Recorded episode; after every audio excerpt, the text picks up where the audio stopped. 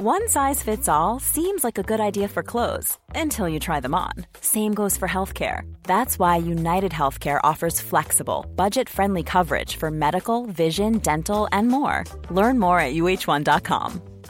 I'm Sandra, and I'm just the professional your small business was looking for. But you didn't hire me because you didn't use LinkedIn jobs. LinkedIn has professionals you can't find anywhere else, including those who aren't actively looking for a new job but might be open to the perfect role, like me. In a given month, over 70% of LinkedIn users don't visit other leading job sites. So if you're not looking on LinkedIn, you'll miss out on great candidates like Sandra. Start hiring professionals like a professional. Post your free job on linkedin.com/people today. There's never been a faster or easier way to start your weight loss journey than with PlushCare. PlushCare accepts most insurance plans and gives you online access to board-certified physicians who can prescribe FDA-approved weight loss medications like Wigovi and Zepbound for those who qualify. Take charge of your health and speak with a board-certified physician about a weight loss plan that's right for you. Get started today at plushcare.com slash weight loss. That's plushcare.com slash weight loss. plushcare.com slash weight loss. Varmt välkommen till Knatteplock-podden. Detta är en podd om mat, barn och föräldraskap. I avsnitten får du lyssna på härliga gäster som delar sina perspektiv, erfarenheter och kunskaper inom dessa spännande ämnen. osäker, kanske frågar man barnet om allt möjligt när det gäller omhändertagandet. Hur tycker du vi ska lösa det här? Vad vill du göra nu? Vart vill du gå sen? Vad vill du äta ikväll? I detta avsnitt gästas jag av Hilda Wirsand som driver kontot Respektfullt föräldraskap på Instagram. Hon är utbildad beteendevetare och coachar föräldrar i just respektfullt föräldraskap. Något som jag tycker vi pratar om alldeles för lite är hur vår relation och barnens anknytning till oss påverkar matsituationen. Hilda brinner för barn och mänskliga relationer. Hon kändes därför som helt rätt person att bjuda in på det här temat. I avsnittet pratade vi om vad anknytning är för någonting, hur rollerna kan se ut mellan barn och vuxna och hur det påverkar maten och även hur man kan tänka som förälder när det gäller just anknytning och mat.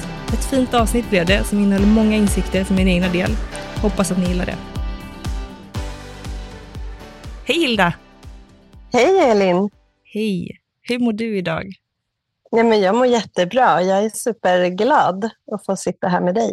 Åh, vad härligt. Så kul att du vill vara med i podden, verkligen. Och du har ju ett Instagramkonto som heter Respektfullt föräldraskap. Fantastiskt konto som jag har scrollat mycket på och läst mycket i. Ehm, eh, väldigt härligt konto om föräldraskap i stort. Och... Men vill du berätta lite om vem du är, personen bakom kontot? För det syns ju inte alltid så jättemycket på kontot, så jag tror många är nyfikna på dig. Vill du berätta lite om vem du är? Ja, nej men så är det ju och jag håller mig ju lite liksom bakom kulisserna. Nej men vem är jag? Jag är Hilda, ursprungligen från Stockholm. Jag bor strax utanför Barcelona, så jag har bott här sedan jag var ungefär 21 år gammal. Så det är nästan Oj, ja, det är 18 år. Ja. Känner du mer spanska eller svensk?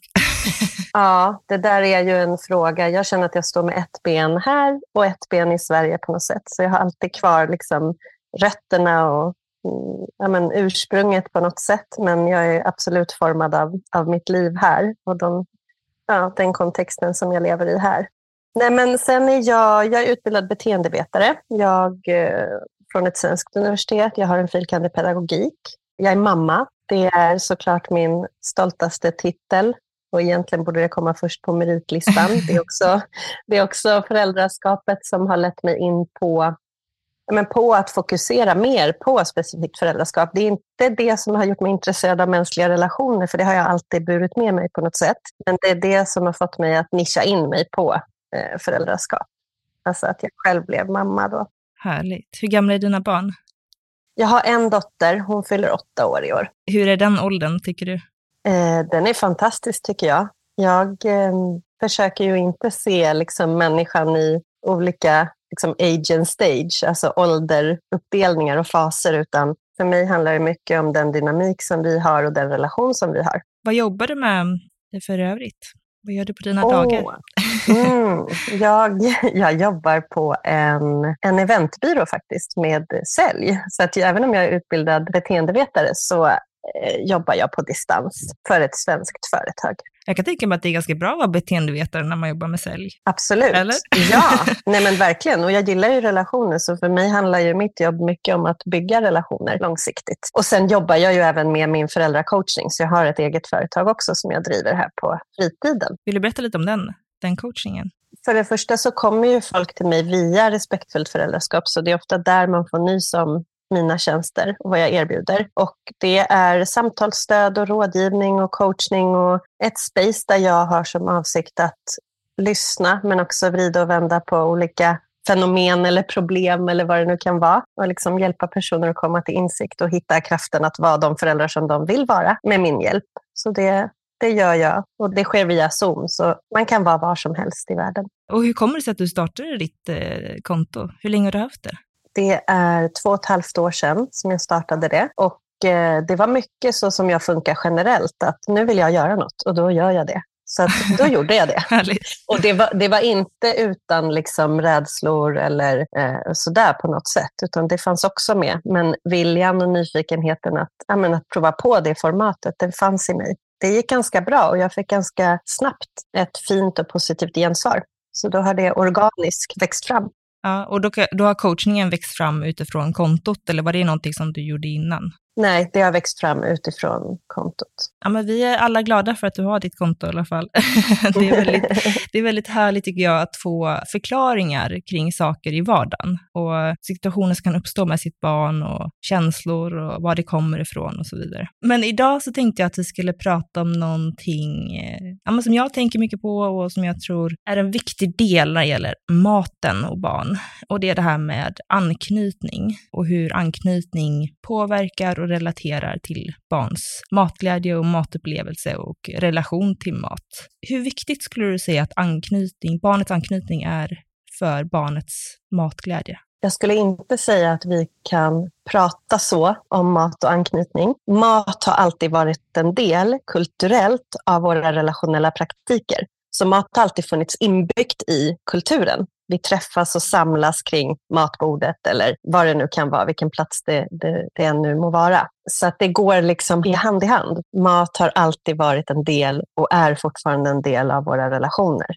Men jag pratar ju inte om så här trygg eller otrygg anknytning eller undvikande anknytning. Det är inte mina termer, utan jag är utbildad på Newfelt-institutet bland annat och, och, där använder man inte de termerna. Det är en helt annan, från mitt perspektiv, mycket djupare förståelse för olika fenomen. Så att jag skulle inte säga att man som förälder ska dra slutsatsen att Åh, mitt barn inte äter, oh, åh, henne är otryggt anknuten. Det är alldeles för simpelt att tänka så om det. Men att det hänger ihop. Absolut.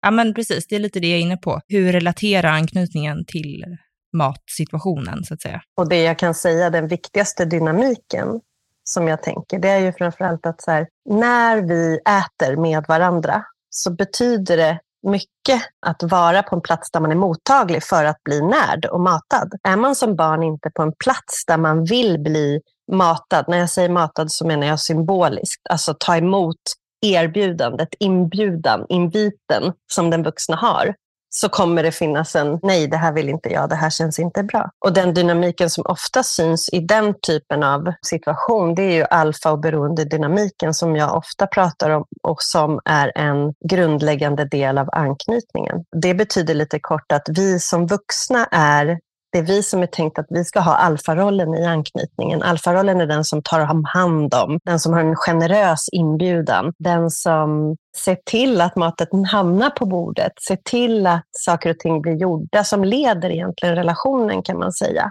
Och den andra rollen är beroenderollen, det är den som tar emot, den som blir närd, den som är beroende, den som blir ledd.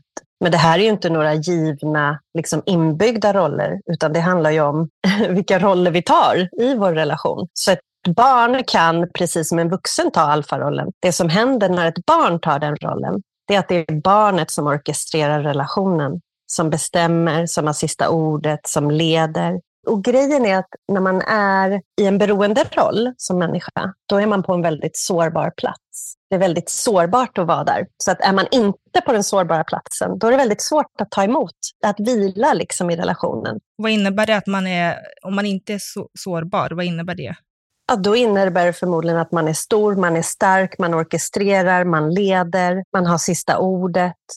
Man säger det här vill jag inte äta, jag vill äta det si, jag vill äta det så, inte nu, inte där, inte med dig. Vad kan ha lett till att man hamnar i en sån eh, position? Oj, tusen olika scenarier tänker jag. Men en viktig del av att ha en alfaroll, alltså en omhändertagande roll som vuxen och därmed kunna nära sitt barn, som en förutsättning för att nära sitt barn. Det är inte det enda som spelar roll. Men för att kunna ha en alfaroll som vuxen så behöver man vara lite självsäker i sitt omhändertagande. Är man väldigt osäker, kanske frågar man barnet om allt möjligt när det gäller omhändertagandet. Hur tycker du vi ska lösa det här? Vad vill du göra nu? Vart vill du gå sen? Vad vill du äta ikväll? Då nästan pushar vi barnet in i en alfaroll. Är du med? Just det.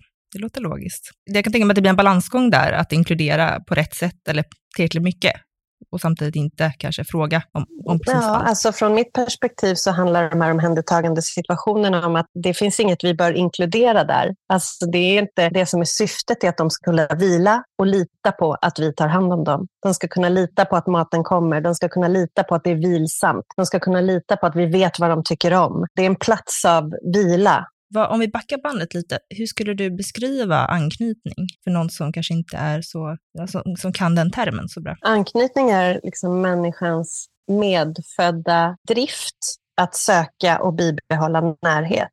Och det är lika med överlevnad för hjärnan. Så det är inte så att det finns någon renodlad överlevnad som det kan finnas hos djur och så, utan för människan är överlevnad anknytning. Det är också det vi behöver för att maten ska komma. Liksom. Knyter vi inte an till någon så kommer ingen mat. Så att för hjärnan så har anknytning högsta prioritet. Hur kan man, om vi säger att anknytning är det är viktigt för många olika aspekter i livet såklart, inte bara maten. Hur, ehm, hur kan man jobba med anknytning? Jag tänker att mycket går tillbaka till den här alfa och beroenderollen. Det bör kännas bra och vilsamt att vara liten i en relation där man kan lita på att en stora tar hand om en, vet vad man behöver, att maten är självklar, att den kommer, att det inte finns tvång, trugande, att man inte känner sig överkörd, att det inte finns mycket övermakt utan att det är en vilsam dans som man blir ledd i som barn. Och det sträcker sig långt bortom matsituationen.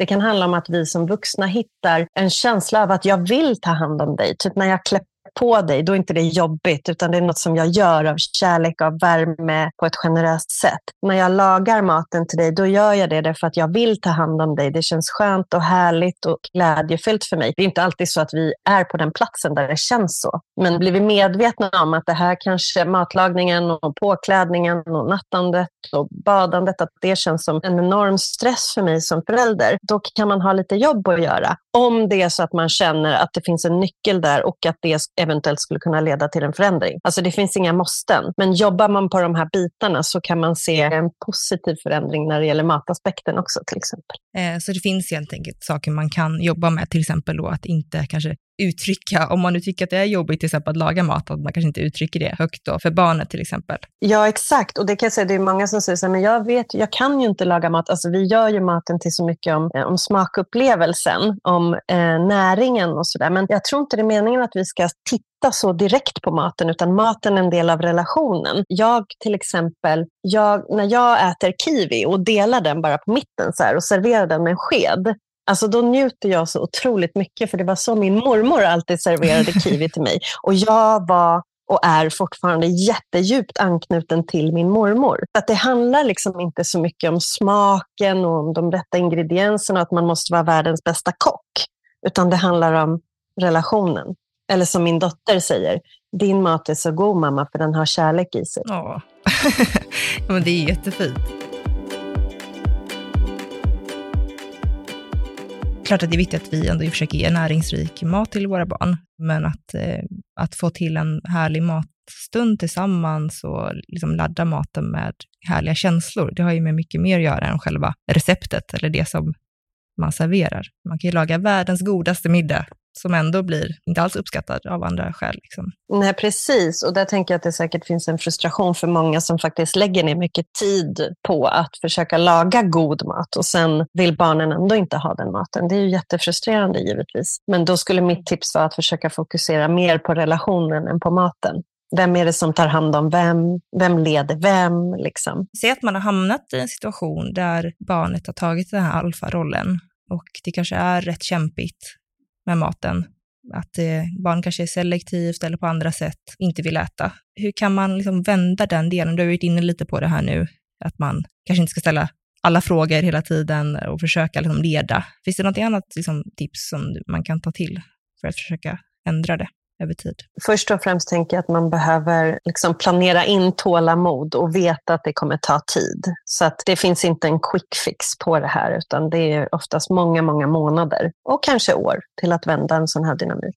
Det andra är ju att vi kan inte, handlar om selektivitet till exempel, eller safe foods, eller safety foods, eller jag vet inte vilken term man använder på svenska, men då tänker jag att det är viktigt att veta att vi kan inte ta de sakerna och vända det mot barnet. Så vi kan liksom inte plocka bort något som barnet gillar, för det gör ju inte att barnet litar på vårt omhändertagande mer, utan snarare väcker det mer motvilja och mer ja, men resistens. Att jag vill inte, liksom, att det känns inte skönt att vara i en sån relation när någon tar, tar ifrån en det som man gillar. Så det tänker jag att vi behöver vara varsamma med, att vi själva inte blir frustrerade kring de här specifika matgrejerna som barnet kanske väljer att äta. Det handlar inte om att ta bort något, utan det handlar om att lägga till saker och ting. Och det man kan tänka sig att man behöver lägga till, det är mer generositet Cool fact a crocodile can't stick out its tongue. Also, you can get health insurance for a month or just under a year in some states. United Healthcare short term insurance plans, underwritten by Golden Rule Insurance Company, offer flexible, budget friendly coverage for you. Learn more at uh1.com. There's never been a faster or easier way to start your weight loss journey than with PlushCare. PlushCare accepts most insurance plans and gives you online access to board certified physicians who can prescribe FDA approved weight loss medications like Wigovi and Zepbound for those who qualify. Take charge of your health and speak with a board certified physician about a weight loss plan that's right for you. Get started today at plushcare.com slash weight loss. That's plushcare.com slash weight loss. Plushcare.com slash weight loss. Mer värme, mer nyfikenhet, mer glädje. I övrigt, inte nödvändigtvis i matsituationen. Jag tror inte nödvändigtvis att lösningen finns i själva matsituationen, utan kommer man till bukt med dynamiken utanför själva matsituationen så brukar matsituationen bli lättare, enklare inte så fylld av konflikter. Det tänket gillar jag verkligen, alltså en helhet, holistiskt perspektiv på det, inte bara kolla på själva matsituationen. Oftast så är det ju någonting annat de spökar, inte alltid, men eh, det gäller ju att ändå utforska alla möjligheter. Och sen kan man eh, liksom bryta den här, för det blir ofta en cykel av frustration som man själv känner som förälder. Man vet att Åh, snart är det matdags och då kommer inte mitt barn äta och det kommer bli massa konflikter. Alltså det är ju jätte, jättejobbigt. Men vi kan veta att ju mer frustrerade vi blir, desto mer frustrerad blir förmodligen barnet. Och det i sig kommer göra att barnet backar ur relationen. Så att barn behöver inte mer separation från sin relation, från sin anknytningsrelation, utan de behöver snarare mer närhet, mer värme, mer glädje. Och det är jättesvårt. Det är inte lätt. Nej, det är otroligt svårt. Det, det, finns ju forskning på det här som visar ju att om föräldrarna blir väldigt oroliga och pressar mycket och, och sådär, vilket man, som du säger, det är ju lätt att bli det när ens barn inte äter, så blir det väldigt kontraproduktivt. Barnet äter mindre faktiskt. Så det är en jätteviktig poäng. Så att, det, att hålla lugnet och ha tålamod som du säger. Jag tror det, men också så att det handlar inte om att eh, behålla lugnet som att så här, försöka trycka ner den frustration som vi faktiskt känner. Utan den riktiga förändringen finns inom oss. Liksom, när vi hittar till den här platsen av att jag väljer att ta hand om, jag väljer att bjuda in, jag väljer att ta den stora rollen. Och ibland är det svårt att hitta till den stora rollen för att vi blir osäkra, för att vi vet inte vad vi ska göra, vad vi ska servera för mat, hur man ska komma till bukt med det. Liksom, det finns ett stort moln av osäkerhet som hänger över oss. Men jag är helt övertygad om att vi kan vara de personer som våra barn behöver behöver. Och Det betyder inte att man måste göra saker på ett exakt specifikt sätt ute efter ett skript, utan vi är alla olika och vi får vara det. Och det är okej okay. och våra relationer ser olika. Det viktigaste är de här rollerna alfa och beroende. Och alfa ska inte förstås som någonting auktoritärt eller hårt. Nej, tvärtom. Det är en generös inbjudan till att säga jag tar hand om dig, oroa dig inte för det. Det är också en viktig poäng att göra, så att man inte tolkar alfarollen som att nu ska jag vara extra hård här. Nej, precis. Och säga hur du minsann ska vara. Så skulle man ju kunna tolka det faktiskt. Och, det, och så kan det ju bli lätt om vi inte har hjärtat mjukt, alltså vårt eget hjärta, om vi inte kan känna empati, medkänsla, om vi inte står... Jag brukar tänka att vi behöver stå med ett ben i barnets upplevelse och ett ben i vår upplevelse för att hålla balansen. Liksom. Står vi med båda benen i barnets upplevelse så är det lätt att vi förlorar oss själva och blir nästan medlidande eller vi går in i barnets upplevelse nästan för mycket. Och går vi in i vår upplevelse med båda benen så, blir vi, så ser vi ju inte barnet. Då står vi ju bara i, i vår upplevelse av det som sker. Så att vi behöver hitta den här balansen. Förstå barnet. Vem behöver barnet att jag är för hen? Vem behöver jag vara? Ja, det är intressant att liksom verkligen försöka se barnets perspektiv men ändå vara lite liksom, nykter i det, tror jag. För att är man bara i barnets perspektiv så är det rätt att det blir liksom en, en dimma på något sätt. Exakt, och då tror jag att det blir ju den där oron som du pratade om, att det finns forskning som visar på att blir man väldigt orolig eller kontrollerande eller sådär, att det är kontraproduktivt.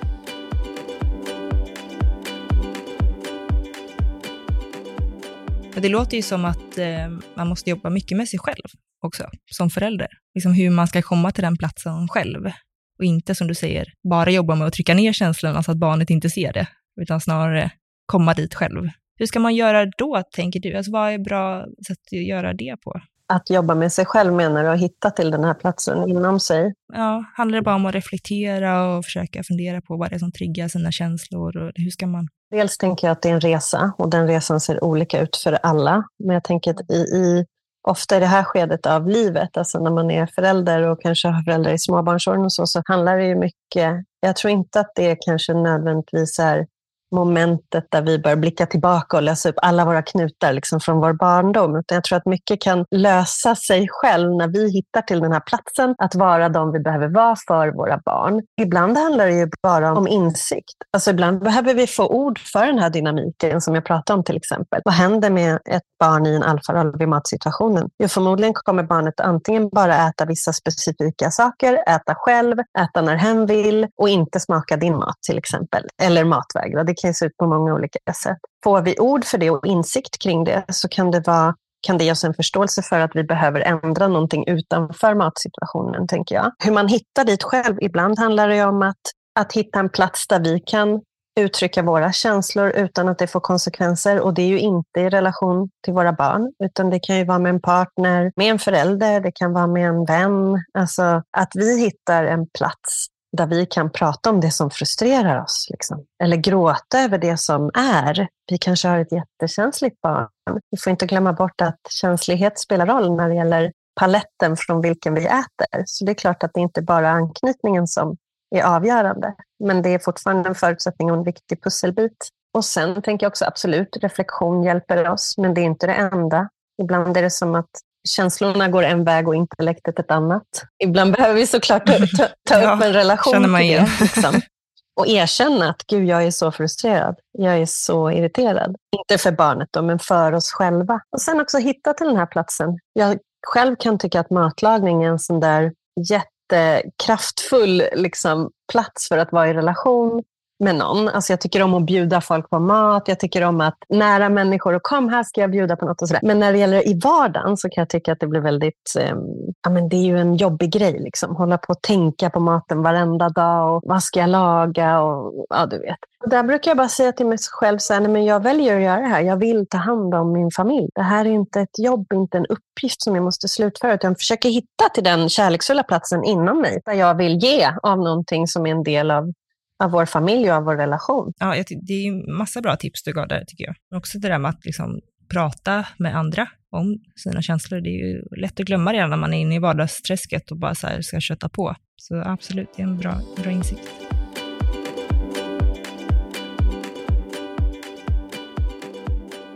Något som jag tänker på är ju liksom vårt moderna samhälle där barnet äter med många andra personer som inte är i våra, deras närmsta krets, så, där det kanske inte finns en anknytning alltid.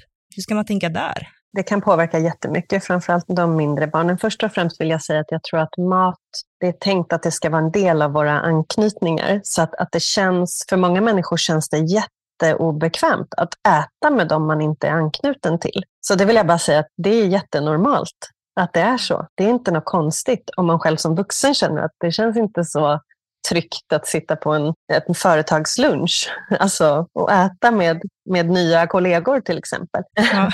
Men ibland finns det ju barn som äter linser och bönor och broccoli på förskolan som de vägrar äta hemma. Hur kan man förstå det då? Jo, ja, då kan man förstå att då är det barnet förmodligen anknutet till kompisarna och pedagogerna och platsen på förskolan. Det betyder inte att barnet inte är anknutet hemma, men vi kan behöva jobba på relationen hemma liksom för att förbättra det. Sen finns det barn som vägrar äta i de, på de platserna. Och det kan man förstå på samma sätt. Då är det förmodligen så att barnet är lite djupare och mer anknutet hemma. Och det som är grejen med anknytning är att det ofta blir polariserat hos små barn. Så att det är inte så att barnet inte är anknutet hemma för att det äter på förskolan. Alltså man behöver inte bli orolig om man har ett barn som bara äter på förskolan till exempel. Alltså det kanske inte är jättebra alltid, men det behöver inte betyda att man inte är anknutet. Nej, och jag tänker att vi kan ju se det på olika sätt. Vi kan ju se det ur en matlins, alltså det vill säga gud vad bra att barnet äter mat och får i sig näring på förskolan. Och vi kan se det ur en relationell lins. Vad är det som gör att barnet äter på förskolan och inte hemma?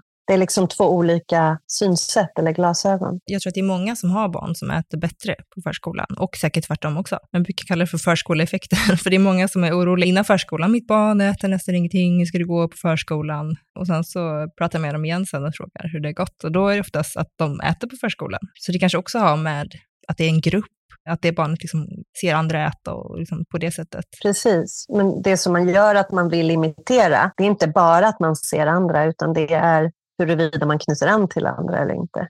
Vi vill imitera och härma och vara lika de som vi är anknutna till. Något som jag tänker på, som jag ofta får höra nu, jag har ju en tvååring hemma, snart tvååring, och eh, något som jag brottas med just nu, eller vi brottas med, är ju hennes eh, känsloutbrott. Och det kan både vara i en matsituation, men det kan ju också vara i andra situationer. Och då får jag ofta höra, ja men det är ju för att hon är anknuten till dig och som hon vågar visa de känslorna. Jag menar inte att alla som är anknutna måste ha utbrott, men finns det, det den sammankopplingen, så att säga? Alltså visa starka känslor på det sättet och vara anknuten. Vad tror du? Jag tror att man kan vrida och vända på det där i all evighet och att det säkert finns argument för båda lägren, eller vad vi ska säga. Personligen tror jag att vi å ena sidan har normaliserat trots och utbrott och liksom motvilja väldigt mycket i väst. Vi har normaliserat att det är så en relation i småbarnsåren ser ut. Å andra sidan tror jag att det beror på dynamiken och liksom lite de förändrade rollerna som jag var inne på tidigare. Alfa och beroende. Ju mer ett barn befinner sig på en plats av, av att vilja etablera dominans och ta ledet och så där, desto mer motvilja kommer det ju komma när du försöker säga nu ska vi gå till parken eller nu ska vi göra det här, nu är det dags för att bada. Det kommer ju, alltså en, en alfa har ju per definition vill ha sista ordet, så då kommer det finnas väldigt lite följsamhet.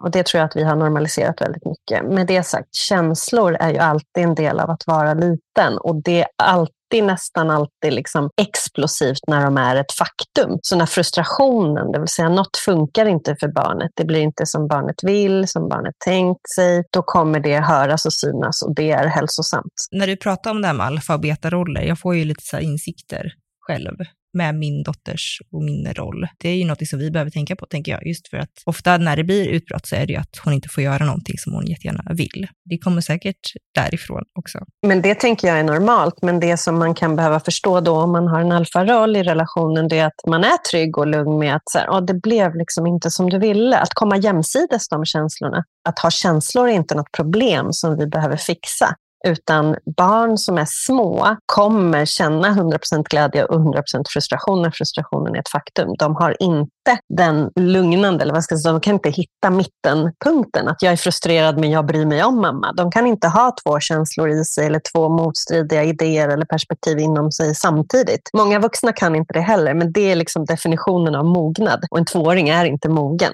En tvååring är vis och bör respekteras och är otrolig på många sätt och vis vis, men hjärnan är inte mogen än. Jag tänker att man kan gå tillbaka till det som du också har nämnt, att just att vara trygg då. När det blir den här frustrationen, att hålla sig lugn och liksom vara den här trygga, stabila ankaret i barnets liv just där och då. Exakt, och det tänker jag är samma sak i matsituationen. Om det kommer utbrott och känslor relaterat till matsituationen, att man försöker vara den där lugna. Ja, ja, jag fattar, du hade inte lust att äta det här idag. Nej, men jag förstår. Och så får man ställa fram något annat som man vet att barnet gillar. Men inte genom att säga, vad vill du äta då? Ha, vad ska jag göra då? då? Att vi inte hamnar på den uppgivna platsen, även då när vi känner oss uppgivna inombords. Det är bra att påminna sig om det där ibland tror jag. Man vet ju någonstans, undermedvetet vet jag i alla fall att det är sådär, men ibland så är det också svårt när man har hamnat i någon ond spiral till exempel. Vilket jag vet att många gör lätt när man är orolig för sitt barn. Är det någonting annat som du känner kring det här ämnet som du skulle vilja förmedla eller ta upp? Nej, men jag vet inte. Det finns ju många rekommendationer när det gäller maten. Till exempel att man har en ansvarsfördelning i maten. Att vi bestämmer vad som ska lagas och när det är dags att äta till exempel. Men att barnet bestämmer hur mycket och så. Och det är jättefina tankar. Men har man en omkullkastad anknytningsdynamik, alltså alfa och beroende, då kommer inte det funka för barnet kommer inte ens komma till bordet. Så att mitt tips är återigen, vi måste ha ett relationellt perspektiv på mat. Eller måste och måste, vi måste ingenting. Men det kan hjälpa oss mycket om vi har ett relationellt perspektiv på mat. Jag tror att mat och barn och liksom vuxna också för den delen, men det är så komplext. Det är liksom en, en hel sfär med massa perspektiv och saker som man behöver beakta. Där jag tror att relationsperspektivet är ofta bortglömt. Man pratar, eller jag har inte hört att man pratar om det så mycket. Så därför tycker jag att det har varit väldigt kul att lyssna på dig och få liksom det perspektivet i det här. Det är ingenting som jag heller lyfter jättemycket på mitt konto till exempel. Det uppskattar jag verkligen. Det är flera pusselbitar man behöver liksom plocka ihop och till en helhet. Och det här är verkligen en pusselbit. Vad härligt. Tack Elin. Nej, men det är verkligen, jag tänker att det är förutsättningen helt enkelt. Det är grunden vi står på någonstans. Men om eh, man vill lyssna mer på dig eller läsa mer om det du skriver om så kan man då följa dig på Respektfullt föräldraskap på Instagram. Vill man hitta din coaching så kanske det är där man också går till. Ja, då kan man eh, klicka sig in på min hemsida som är www.respektfulltföräldraskap.se och där finns det en bokningstjänst. Annars kan man nå mig i DM på Instagram till exempel. Det går också bra. Ja, men härligt. Stort tack Hilda för att du ville vara med i podden. Tack snälla Elin. Ja, tack. Och tack till er som lyssnar. Vi hörs nästa gång. Hej.